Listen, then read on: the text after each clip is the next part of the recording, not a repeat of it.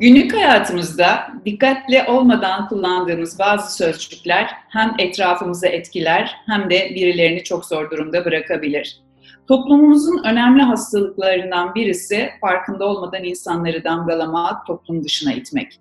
Bu tür ciddi sonuçlar için öncelikle kullandığımız sözcüklere dikkat edelim. Böyle bir niyetimiz olmasa da damgalamayı güçlendirmiş, yayılmasına katkıda bulunmuş olabiliriz. Damgalama dilde başlar. Benim çalıştığım alanda bipolar hasta, manik depresif, deli midir nedir, çılgın gibi e, ya da zayıf kişilik gibi sözcükler gerçekten aslında bir tedavi gerektiren ve tedavi olabilen hastaları ve yakınlarına olumsuz etkilemekte. E, bu biçimdeki bir hastalığın tedavisini de olumsuz etkilememek için kullandığımız sözcüklere, özellikle psikolojik ve psikiyatrik rahatsızlıkları olanlara e, çok daha farklı yaklaşan ve bu sözcükleri bir başka ortamda da bir sıfat gibi kullanmamaya çalışalım. Öyle söylemeyelim.